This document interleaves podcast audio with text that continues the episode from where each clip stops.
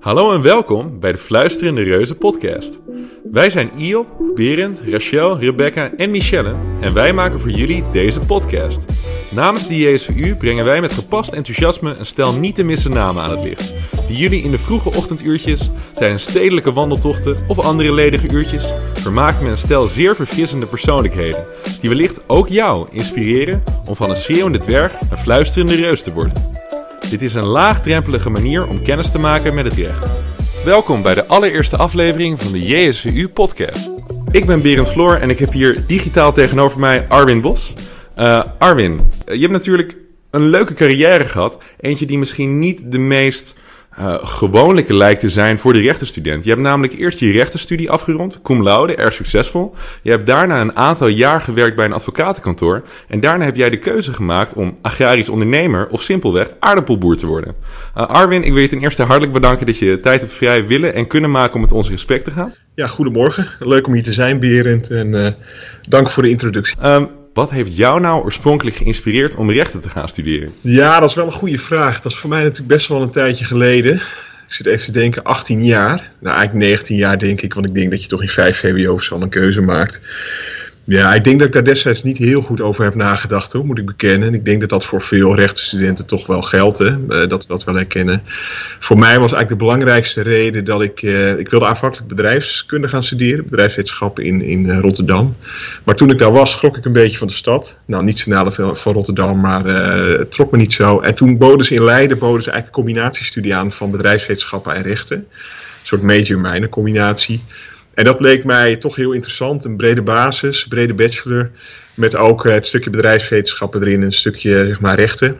Dus dat gaf voor mij de doorslag. En Leiden is gewoon een leuke stad. En ik heb daar een fantastische tijd gehad. Uh, hè, maar dat wist ik toen nog niet. Maar dat is voor mij de doorslag gegeven om dat te gaan doen. en uiteindelijk heeft het recht me toch eigenlijk wel enorm getrokken ook. Dus, dus ik ben er natuurlijk duidelijk ook twee keer in afgestudeerd. Twee masters gedaan. dus echt die kant op gegaan. maar dat wist ik nog niet toen ik 17 was. Ja, die affiniteit, dat komt inderdaad bij uh, veel rechtsstudenten pas wat later. Uh, zou je misschien wat willen vertellen over uw studietijd?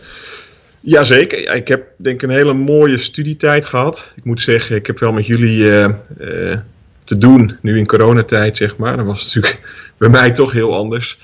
Uh, vijf jaar met heel veel plezier in Leiden gewoond. Fantastische huisgenoten gehad. En weet je, het mooie van Leiden is. En Utrecht is natuurlijk ook een fantastische stad. Hè, laat ik dat voorop stellen.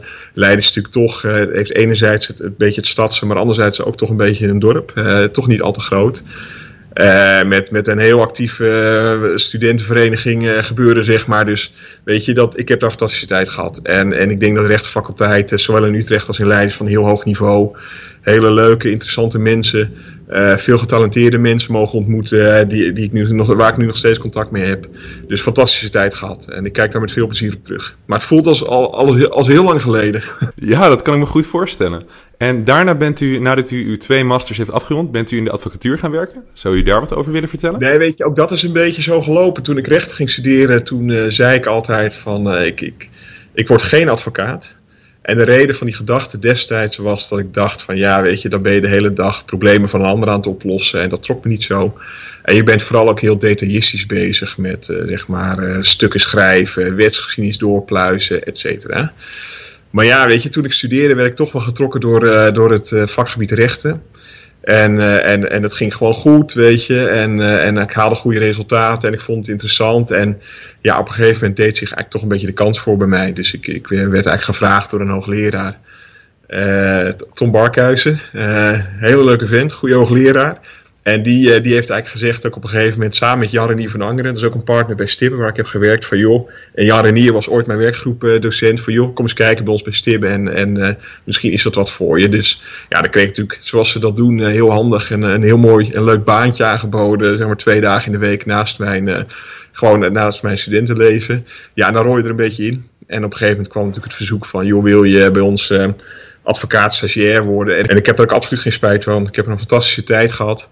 Uh, ik belandde meteen op de kamer bij Tijn Kortman. Nou, de naam Kortman is natuurlijk ook wel bekend in het bestuursrecht en in het staatsrecht. En uh, weet je, ja, dan krijg je natuurlijk toch een, enerzijds een heel gedegen opleiding. Want uiteindelijk tijdens je studie leer je een hoop, maar eigenlijk nog heel weinig. dus uiteindelijk komt het pas, natuurlijk, ga je, krijg je pas echt in de vingers als je erin werkzaam bent. eigenlijk kort en goed, antwoord op je vraag, het was gewoon een unieke kans. En, en ik vind dat je die dan moet grijpen. Dus, en dat heb ik gedaan.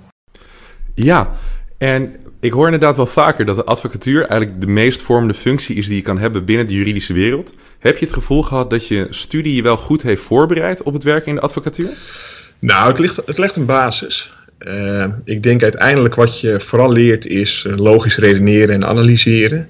En je leert schrijven. Uh, zeker de masters die ik heb gedaan, zeker bestuursrecht, daar moest je heel veel stukken schrijven echt wel werken, zeg maar. En dat vormt je natuurlijk wel op een heel goede manier. Want uiteindelijk als je advocaat wordt, dan is dat ook een groot deel van je werk is, zeg maar. Stukken schrijven, logische stukken, analyse op een goede manier neerzetten en daar uiteindelijk een pleidooi van maken. Dus dat heeft me wel geholpen. Maar uiteindelijk het echte, het vak uh, van advocaat leer je natuurlijk pas in de praktijk. En je hebt natuurlijk, in dit geval heb je ook weer een vervolgopleiding, namelijk de, de opleiding van de orde. Maar ook de, de Law Firm School heb ik natuurlijk gedaan. Ik weet eigenlijk niet of die nog bestaat, maar volgens mij wel. Maar dat is een opleiding van Zuidas kantoren destijds, wat echt wel intensief was. En dat betekende door de week werken en in het weekend studeren. Wat gewoon echt wel pittig is. Maar ja, dat vormt je natuurlijk enorm. Hè? Dat legt wat, wat, wat eelt op de ziel, zeg maar. je wordt er wat harder van. Nou heb ik altijd geleerd om hard te werken hoor. Want dat komt natuurlijk van een boerderij. Hè? Het is hier een familiegebeuren. Dus dat zit er bij mij toch wel in. Uh, en dan leer je natuurlijk toch uh, binnen 1, 2 jaar heb je een hele steile leercurve waarbij je ook gewoon ja, zeg maar leert hoe het bedrijfsleven werkt, hoe de advocatuur werkt. Dat je ook praktisch moet denken. maar ook het, ja, leer je natuurlijk toch stukken schrijven en, en ook pleiten, wat ik ook veel heb gedaan. Dus weet je, wat dat betreft klopt wel wat je zegt. Ik raad iedereen aan als je de kans krijgt om advocaat te worden. Ja, denk daar dan heel serieus over na. Want het is wel heel vormend. En het is een soort snelkookpan waar je in gaat. Uh, wat ook ontzettend leuk is, het was zeker de eerste paar jaar toch ook een klein stukje verlenging van je studententijd. Hè. Dan begin je met tien jonge mensen die allemaal in dezelfde snelkookpan zitten. Met alle uitdagingen die erbij komen, maar ook alle, alle kansen en alle leermomenten. Dat is ontzettend leuk en heel gezellig ook. En, en work hard, play hard was het motto bij Stibbe destijds. En dat was ook zo, weet je. Je hebt ook heel veel leuke momenten met elkaar. En je leert ontzettend veel en dat is dus absoluut heel vormend en, en, en, en een hele goede basis, ook in mijn geval, voor de rest van je leven. Dus wat dat betreft kan ik het iedereen aanraden.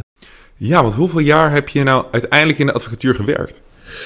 Nou, dan moet je een beetje een knip maken. Ik heb uh, bij Stibbe eerst drie jaar gewerkt, twee of drie jaar gewerkt als student. Uh, toen was ik een beetje in de afronding, zeg maar, scriptie schrijven, je kent het wel. Toen heb ik vijf jaar fulltime als advocaat gewerkt, met heel veel plezier.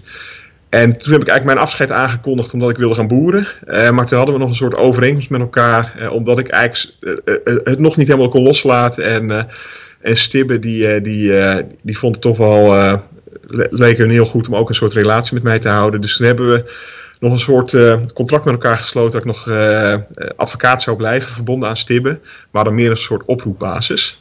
En dat heeft nog anderhalf tot twee jaar gefunctioneerd. dus totaal ben ik officieel, denk ik, als je terugkijkt bij de orde, ben ik iets van zeven jaar advocaat geweest. Waarvan vijf jaar fulltime en twee jaar eigenlijk meer parttime. Ja, wat zeg je dat mooi, dat je wou gaan boeren. Wanneer begon het nou te kriebelen dat je eigenlijk iets anders wou gaan doen? En wist je eigenlijk al meteen dat je wou gaan boeren? Of had je ook nog andere opties uh, die je eigenlijk openhield? Ja, dat is natuurlijk een beetje een geleidelijk proces geweest. Um, kijk, ik, daarbij spelen een paar factoren een rol. Ik denk, een van die factoren heb ik net benoemd, namelijk dat het voor mij geen, uh, geen uh, vooropgezet plan was om advocaat te worden. Hè. Dat is een beetje zo gelopen en ik zag daar de, de kans en die heb ik gegrepen en, en denk ook hartstikke goed. Maar het is natuurlijk nooit mijn droom geweest om 40 jaar advocaat te zijn. Daarnaast ben ik opgegroeid op een heel mooi familiebedrijf in de Haarlemmermeer dat al ruim 100 jaar bestaat. Een mooi boerenbedrijf met echt toekomstperspectief. Uh, met een goede basis. Hè, dus dat speelt natuurlijk dan toch als je daarin opgroeit. En als kleine jongen uh, werk je daarin ook volop mee. Hè? Dus je, wordt daar, je woont natuurlijk gewoon op het bedrijf, dus je wordt daar volop in betrokken. Dan speelt dat natuurlijk altijd in je achterhoofd een rol van: Goh, zou ik daar iets mee willen? Want het is een familiebedrijf en mijn broertje en zus hebben geen, uh, hadden daar geen ambitie in. Dus ja, als ik dat ook niet zou hebben, dan was het ook geëindigd. En ik voelde wel op een gegeven moment bij Stibbe, ik had het ontzettend naar mijn zin. Gewoon wel de vraag bij mij te komen van wil ik dit 40 jaar doen? Uh, en, en zo ja, als ik dan 70 ben of zo, kijk ik daarop terug. En, en er kwam ook wel een, een gevoel van, ja, ik wil misschien iets meer gaan ondernemen. Dus, dus als advocaat ben je natuurlijk heel erg bezig gewoon met het recht en met, met de inhoud. En, en ik voelde ook wel de behoefte om, om iets minder met de inhoud bezig te zijn en meer met de grote lijnen. Om, en ook gewoon echt ondernemer te worden. Ja, en dat is dan een soort, dat borrelt dan wat. En op een gegeven moment dan, dan komen natuurlijk ook vanuit het kantoor komen vragen van goh, hoe zie jij je toekomst voor je? Hè? En ik werd toen medewerker en wat zijn je ambities, et cetera. Ja, dan komt er voor iedereen die medewerker wordt, komt er denk ik een keer een moment van goh, wat zou ik nou willen? En bij mij was toen destijds de gedachte heel simpel van jongens, ik wil gaan ondernemen. Nou ja, weet je, wat is er dan makkelijker en beter dan je eigen familiebedrijf waar je ook een passie voor hebt, het boerenbedrijf. En ik had ook een duidelijk idee van wat ik daar dan zou kunnen verbeteren als het gaat om ondernemerschap en, en de strategie van het bedrijf waar we heen zouden willen gaan. En ik was toen niet getrouwd en ik had geen kinderen en nog geen dure hypotheek. En dan is dat een heel logisch moment om ook te zeggen van nou dan waag ik die sprong. En destijds was dat dus ook uh, eigenlijk een beetje met een parachute. Want ik had nog een soort. Ik bleef advocaat de eerste twee jaar. Dus dat voelde toen wel, uh, wel goed om dat op die manier te doen.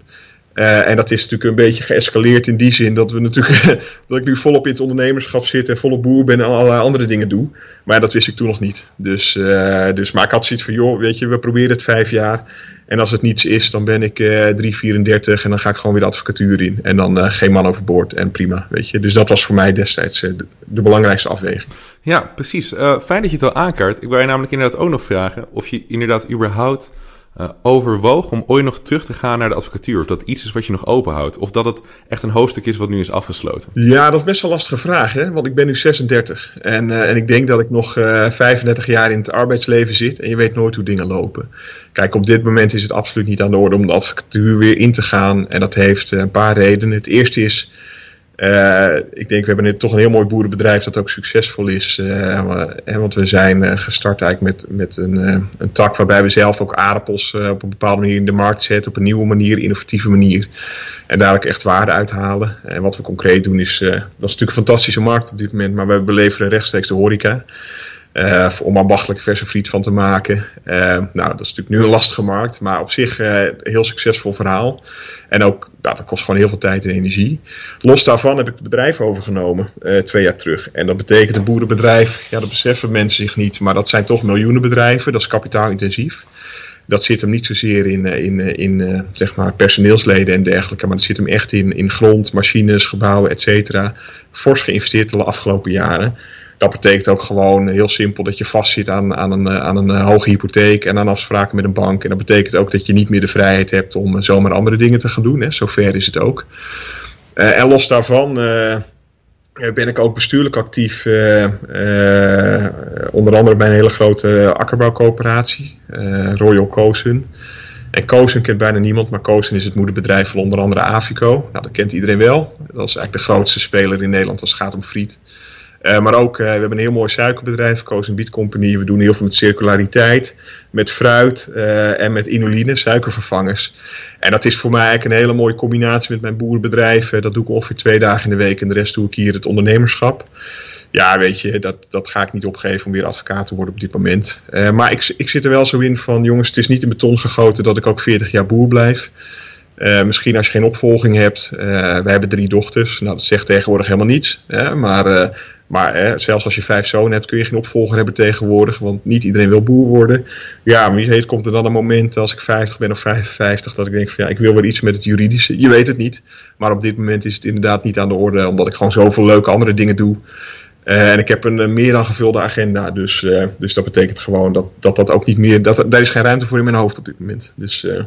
En overigens doe ik nog heel veel juridische dingen, maar daar ga je straks nog wel naar vragen, denk ik. Ja, het klinkt ook eigenlijk heel leuk wanneer je er zo over vertelt. Um, nou, wanneer mensen een advocaat links zien en een boer rechts, dan zijn er hele waslijsten die mensen zich zeg maar voor kunnen halen aan verschillen. Maar wat zijn nou bijvoorbeeld bepaalde verwachtingen die u had, uh, die niet zijn waargekomen? Bepaalde verschillen die eigenlijk helemaal niet zo verschillend bleken in de praktijk? Wat voor dingen zijn nou een beetje hetzelfde gebleven, bijvoorbeeld? Nou, weet je, uh, dat is wel een heel brede vraag, maar ik ga proberen om er antwoord op te geven. Kijk, toen ik boer werd, toen had ik uh, echt het idee van ik wil gaan ondernemen. En, uh, en ik zag dat natuurlijk ook veel te rooskleurig, maar dat geldt voor iedereen die ondernemer wordt. Dan heb je een bepaald, dan kijk je door een bepaalde roze bril en dan ga je naar gang en dan valt het altijd tegen. Dat is denk ik bij, bij alle ondernemers die ik spreek, is dat zo. Um, Kijk, toen ik begon, to, to, toen, um, toen was het in het begin toch heel veel gewoon ook samen met je vader gewoon de dingen doen en op de trekker rijden en zorgen voor de plantenteelt, et cetera. En dat was toen ook nodig en ook goed en dat vind ik ook leuk om te doen. Uh, maar ik had al, al, vrij snel had mijn vader ook wel zoiets van: ja, jongen, jij bent nu een bedrijf, je bent medevennoot geworden. Dus jij gaat ook al die, ik noem het even, die, die, die, dat geneuzel in de marge, waar hij natuurlijk ook, ook gewoon, zeg maar, wat hij ook lastig vond, waar hij ook niet mee opgegroeid is. Van al die formulieren en dergelijke, dat ga jij maar doen. Dus dat kwam natuurlijk al vrij snel op mijn bordje. En dat is niet iets waar je energie uit krijgt hoor. Absoluut niet. Want, want weet je, de papierberg is dusdanig groot, ook voor een boer. Daar word je helemaal gek van. Je moet het op de, op de vierkante meter moet je registreren wat je doet. Waar ik wel veel energie uit haal, is toch ook eh, als het gaat om. Eh, wat bijvoorbeeld heel veel ook op je afkomt. We hebben toch eh, ook veel gronden in eigendom. En, en er gaat geen jaar voorbij of er speelt ergens iets. Dus dan moet daar weer een kabel worden ingegraven. Dan komt daar weer een fietspad. Dan ligt daar weer een reservering voor zonneakkers. Uh, nou, et cetera, Dan wordt daar weer iets wegbestemd, et cetera. En dat vind ik wel leuk om daar meteen in te duiken. En gewoon te laten zien van ja, weet je, je hebt niet, hier niet te maken met gewoon een standaard boer. Maar ik ben ook nog eens gewoon bestuursrechtsspecialist. Uh, en dit was wat ik deed vroeger. En dat is ook leuk, want daar kun je toch ook vaak een hoop waarde mee creëren. Ook voor je eigen bedrijf. Ja, als het gaat om een onderhandeling met dat soort partijen, maar ook als het gaat om op tijd zienswijze indienen of bezwaarschriften sturen of gewoon een lobby op te zetten. En dat vind ik wel leuk en dat geeft heel veel energie en dat biedt ook wel kansen. En, en weet je, dat versterkt je bedrijf dan ook. Wij hebben hier zelf ook, uh, ik zit hier in een hal die, die we twee jaar terug nieuw hebben gebouwd. Helemaal een hele grote ruimte waar we aardappels opslaan en verwerken en dergelijke. Ja, ook dat was een heel uitgebreide procedure om daar vergunning voor te krijgen. Ja, ik bijt me daar dan wel in vast. En dat is dan ook leuk als het dan uiteindelijk lukt. Uh, dus daar heeft het absoluut meerwaarde en ook raakvlakken. En dat vind ik ook altijd leuke dingen om te doen. Want dat herinnert me natuurlijk terug aan, aan vroeger toen ik advocaat was. Uh, maar ik denk ook dat ik er nog steeds goed in ben. En dat ik daar ook uh, resultaat boek. En, en, dat is ook leuk, hè? Want uh, ik zeg maar zo, overal waar je goed in bent, dat vind je leuk. Dat is gewoon zo volgens mij. Dus, ehm, en misschien werkt het andersom, ja. Alles wat je leuk vindt, ben je goed in. Ik weet het niet, maar het hangt wel aan elkaar vast. En, en dat, dat geeft me dan wel energie. En uh, wat ik ook leuk vond, is dat je inderdaad zei dat eigenlijk maakt het niet uit of je advocaat of boer bent. Je gaat je altijd moeten onderscheiden. En dat ben je natuurlijk ook aan het doen met de manier hoe je zeg maar aardappels verkoopt, toch? Nee, zeker. Ja, dan, weet je, dat is wel echt heel leuk. Want... En dat is ook mede gekomen doordat ik natuurlijk in Amsterdam werkte in een omgeving die heel erg bezig is met voedsel en, en hippigheid en zo. En daar sta ik natuurlijk nu heel veel van af. Maar ik heb destijds wel de kans gezien van ja jongens, eh, boeren in Nederland die zitten altijd ook aan de commercie, die zijn heel goed in de productiekant. Dus wij zijn top van de wereld als het gaat om met zo min mogelijk input, zo goed mogelijk kwaliteit eh, producten realiseren met een zo laag mogelijke kostprijs. Nou, dat verhaal kent iedereen. Daar wordt heel negatief over gesproken, maar dat is fantastisch. En de hele wereld kijkt daarna met een blik van jongens, hè, met 40% van de input halen wij 100% van het resultaat. Ja, iedereen kijkt daar jaloers naar. En dat is ook als het gaat om milieu, is dat een fantastisch verhaal. En ik vind dat we daar trots op moeten zijn. Maar waar toch akkerbouwers minder goed in zijn, is de commerciële kant. Dus gewoon het verwaren van hun product en zeg maar de juiste prijs krijgen voor hun product. En dat komt toch doordat we gewend zijn om alles eigenlijk een beetje mee te geven aan coöperaties en ook aan zeg maar, grote fabrikanten die dan die waarde daaruit proberen te creëren. En wij hebben de kans gezien om, om te zeggen van joh, dat gaan we niet meer doen. Dus ik heb geen contract meer met fabrieken of zo. Wij proberen alle aardappels die wij, uh, die wij telen, zitten we echt op kwaliteit. Op smaak, uh, op, op uniekheid. Dus wij telen ook paarse aardappels en aardappels met een rare vorm en zo. En proberen daar uh, een markt voor te vinden met, die gewoon de, de, de correcte waarde daarvoor betaalt. want uiteindelijk, je wordt er nooit rijk van. Maar ik wil wel gewoon een, een correct bedrag voor, de voor het product dat ik lever. En dat is al uitdagend genoeg voor iedere boer. En daar zijn we denk ik heel leuk in geslaagd. Ja, we hebben de, de aardappelboer opgericht. Uh, dat is ons merk. En wij, uh, wij zijn vooral gespecialiseerd in horecabedrijven die verse friet maken. Dus dat zijn alle hippe friettentjes die ter plekke een, een aardappel pakken, snijden, volbakken, afbakken.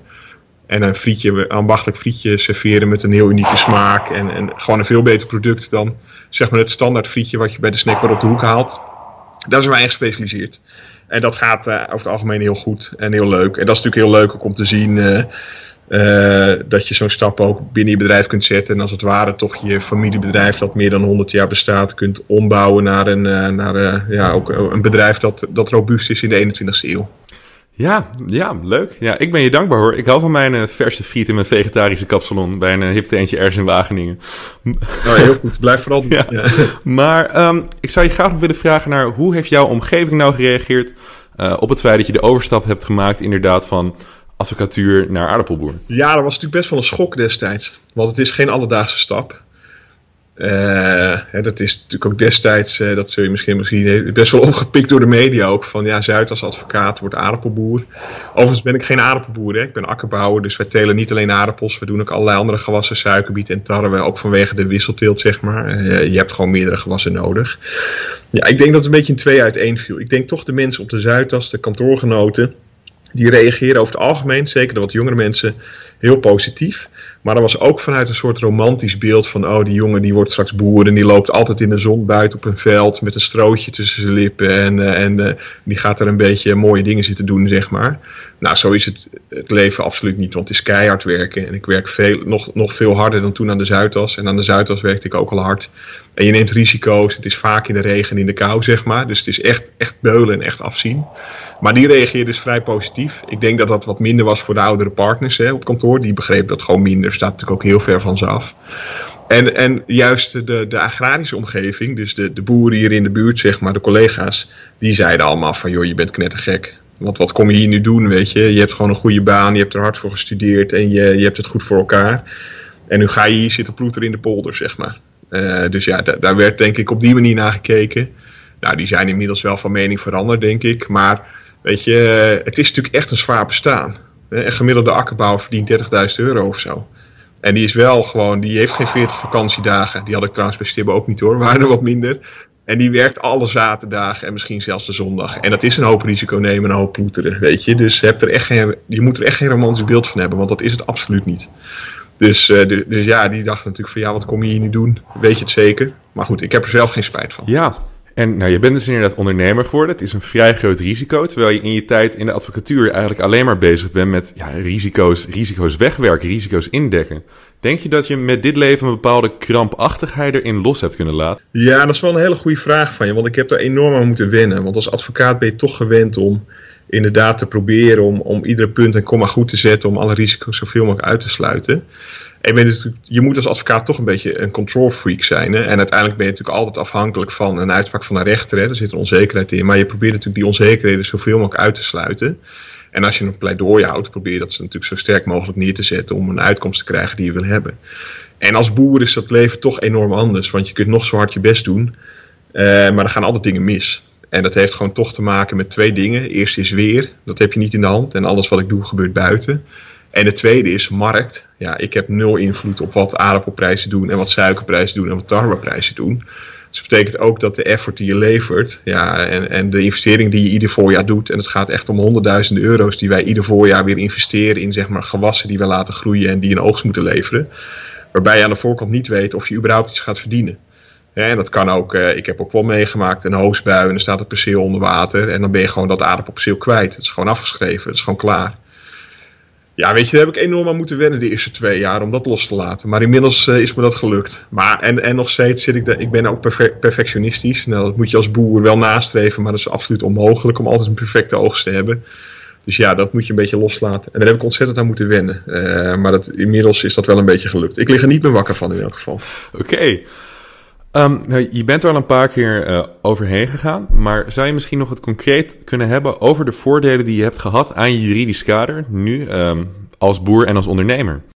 Ja, zeker. Nou, ik denk, uh, er zijn een paar heel duidelijke voordelen. Eentje heel, heel uh, laaghangend fruit, heel voor liggend is natuurlijk van ja, als je juridische kennis hebt, dan kun je je veel beter verweren tegen alle al het gedoe dat op je pad komt. Hè? Dus, uh, dus alle zeg maar, overheidsbrieven, formulieren, et cetera. En natuurlijk ook de, de gebeurtenis als uh, het wegbestemmen van iets of een fietspad door je land of zo. Daar ben je natuurlijk op zich je daar veel weerbaarder tegen. En je hoeft niet meteen de telefoon te pakken om een adviseur te bellen. Maar dat is een beetje laaghangend fruit.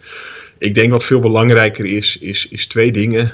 Analytisch vermogen. Dus heel goed strategisch denken van wat is mijn positie, waar willen we heen, waar sta ik, uh, hoe gaan we dat bereiken, wat zijn daarvoor de stappen, et cetera. Dat is heel belangrijk. En het tweede is toch gewoon tanden op elkaar doorzetten en jongens gewoon ervoor gaan. En dat is ook als boer ontzettend belangrijk. Van, weet je, dat heb ik ook in uh, zeg maar, al het gedoe dat ik heb. En, uh, en dan moet je wel zuchten. Maar dan toch gewoon jongens tanden op elkaar. En, en we gaan er gewoon voor. En we gaan knallen. En we proberen het hoogst mogelijke resultaat te behalen.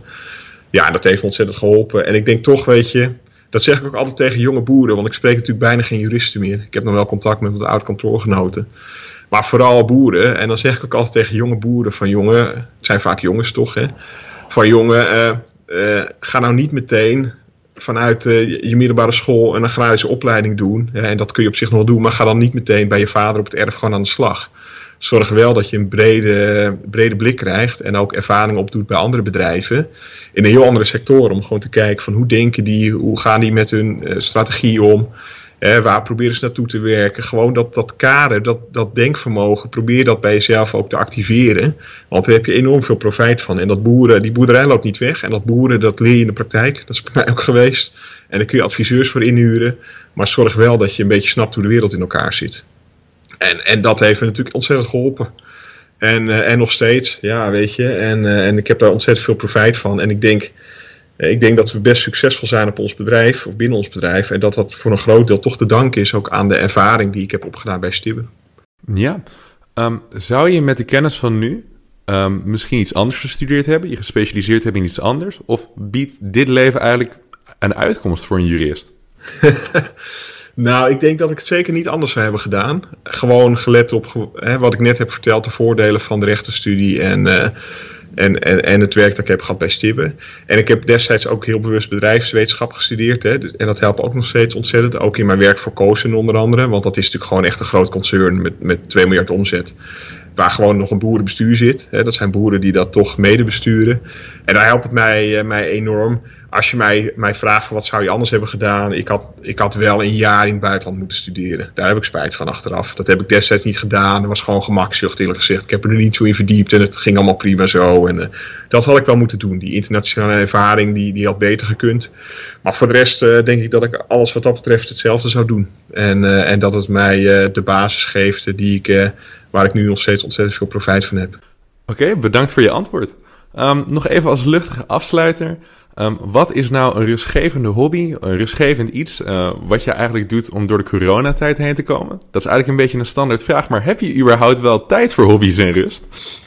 Nou, het eerlijke antwoord daarop is dat ik daar eigenlijk geen tijd voor heb. En dat komt door, uh, door alle dingen die we doen, uh, bestuurlijk en het bedrijf. En ik heb een jong gezin, of wij hebben een jong gezin met drie jonge meiden. Dat betekent dat op het moment dat ik vrije tijd heb, dan, dan breng ik die tijd natuurlijk door met de kinderen. En, en misschien is dat wel de hobby, hè? dus gewoon leuke dingen doen met de kinderen. Het is misschien een gek antwoord, maar wat me heel veel rust geeft op dit moment is toch even zeg maar gewoon met de handen werken. Uh, even in de tuin of zelfs gewoon hier aan de lopende band uh, aardappels lezen noemen we dat. Hè? Dus gewoon staan aan de lopende band, komen er aardappels voorbij, dan moet je de verkeerde eruit gooien. Ik vind dat eerlijk gezegd heel rustgevend en fantastisch. Ik heb dat gisteren twee uurtjes weer even gedaan gewoon even aan de lopende band. En dan staat er een collega naast je, slap ouwe hoeren en gewoon wat uh, gewoon aardappels lezen. Ja, ik vind dat fantastisch. En daar mogen we ook met elkaar nooit op neerkijken. Gewoon de mensen die met de handen werken doen ontzettend belangrijk werk. En dat is ook werk dat ontzettend veel voldoening kan geven. Dus, uh, dus als er een rechtenstudent is die daar uiteindelijk belandt, daar hoef je je niet voor te schamen. Dat is, dat is gewoon goed. En, uh, en, en ook mooi werk. En dat belangrijk is.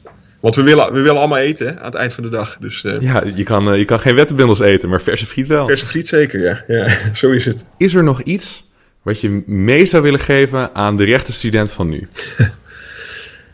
um, nou, ik denk uh, twee dingen. Hè. Ik denk recht is een hele mooie studie. geeft je een hele goede basis, maar maak er echt wat van. Hè. Want ik vind toch, je kunt er ook zeg maar vrij gemakkelijk doorheen rommelen. En dat zal niet voor iedereen gelden, maar, maar misschien snappen de meesten wel wat ik herkennen wel wat ik, wat ik hier probeer te zeggen. Is van een beetje van met sessies en zo en probeer de studie te halen. Ik denk toch dat je jezelf moet uitdagen. En dat is voor mij, ik ben gewoon ook ambitieus en ik leg de lat voor mezelf hoog. Probeer dat te doen, want dat biedt je ook kansen straks eh, na je studie. Wat, wat je een enorme, eh, dat, dat, dat geef je in, dat is een soort buitenboordmotor die je aanzet voor de rest van je leven. En dat kan je enorm ver brengen. Dus probeer echt voor, voor, voor hè, leg die ambitie erin. Probeer dat echt goed te doen. En het tweede is, van, ja, als je de kans krijgt om, om toch een aantal jaren advocaat te worden of zo bij zo'n Zuidas kantoor. Ik weet, in mijn tijd werd er al over gesproken van moet je dat willen, et cetera. Ja, dat legt ook een fantastische basis voor, je, voor de rest van je leven. En dat wil niet zeggen dat je dat 40 jaar moet doen. Maar je leercurve is daar zo gigantisch. Ja, daar, daar kun je de rest van je leven, heb je daar enorm veel plezier van volgens mij. Dus ik zou zeggen, als je die kans krijgt, moet je het doen. En, en de derde, toch als ik mag. Uh, het, het juridisch gebied is toch ook heel beperkt. En, en dat heb ik ook echt moeten leren van jongens, hè, ik maak ook altijd grappen over advocaten eh, tegenwoordig. Hè, van ja, die advocaten denken altijd in problemen. Laten we ook een beetje praktisch proberen te houden. Als je straks gaat werken, probeer het ook echt praktisch te houden. En probeer je te verplaatsen in een ondernemer. En, en realiseer je ook echt van ja, weet je, dat, dat zeg maar 20 pagina's wetsgeschiedenis en zo, ja, daar zit geen ondernemer op te wachten. Dat is toch zo. En, en probeer heel erg praktisch mee te denken van jongen, waar heb je nou echt behoefte aan en hoe kan ik je helpen? En dan denk ik dat je een fantastische carrière kunt hebben en dat je een fantastische uitgangspositie hebt. En het is echt oprecht een fantastische studie. En ik kijk daar nog steeds met veel plezier op terug. Uh, Armin, ik wil je eigenlijk hartelijk bedanken voor je tijd. Um, ik heb veel geleerd. Ik hoop dat de luisteraars veel geleerd hebben. Uh, dit was deze aflevering van de Fluisterende Reuzen podcast. En uh, graag tot de volgende keer. Volgende keer bij de Fluisterende Reuzen podcast. Media-aandacht is, is vaak wat we niet opzoeken. Je zult ons ook niet zo snel aan tafel zien bij, uh, bij Jinek of Op1 of andere praatprogramma's. Um, daar heb ik in het verleden wel met enige regelmaat gezeten, maar altijd met een doel, altijd met een boodschap. En op kantoor hebben we, nou de zaak Robert M is daar een voorbeeld van, maar er zijn ook wel andere zaken die toen gevoelig lagen. Hebben elke keer weer de discussie gevoerd van wat voegt er toe en wat is het belang voor de cliënt. Als je ook benieuwd bent wie de volgende spreker is, hou dan vooral de socials van de JSVU in de gaten.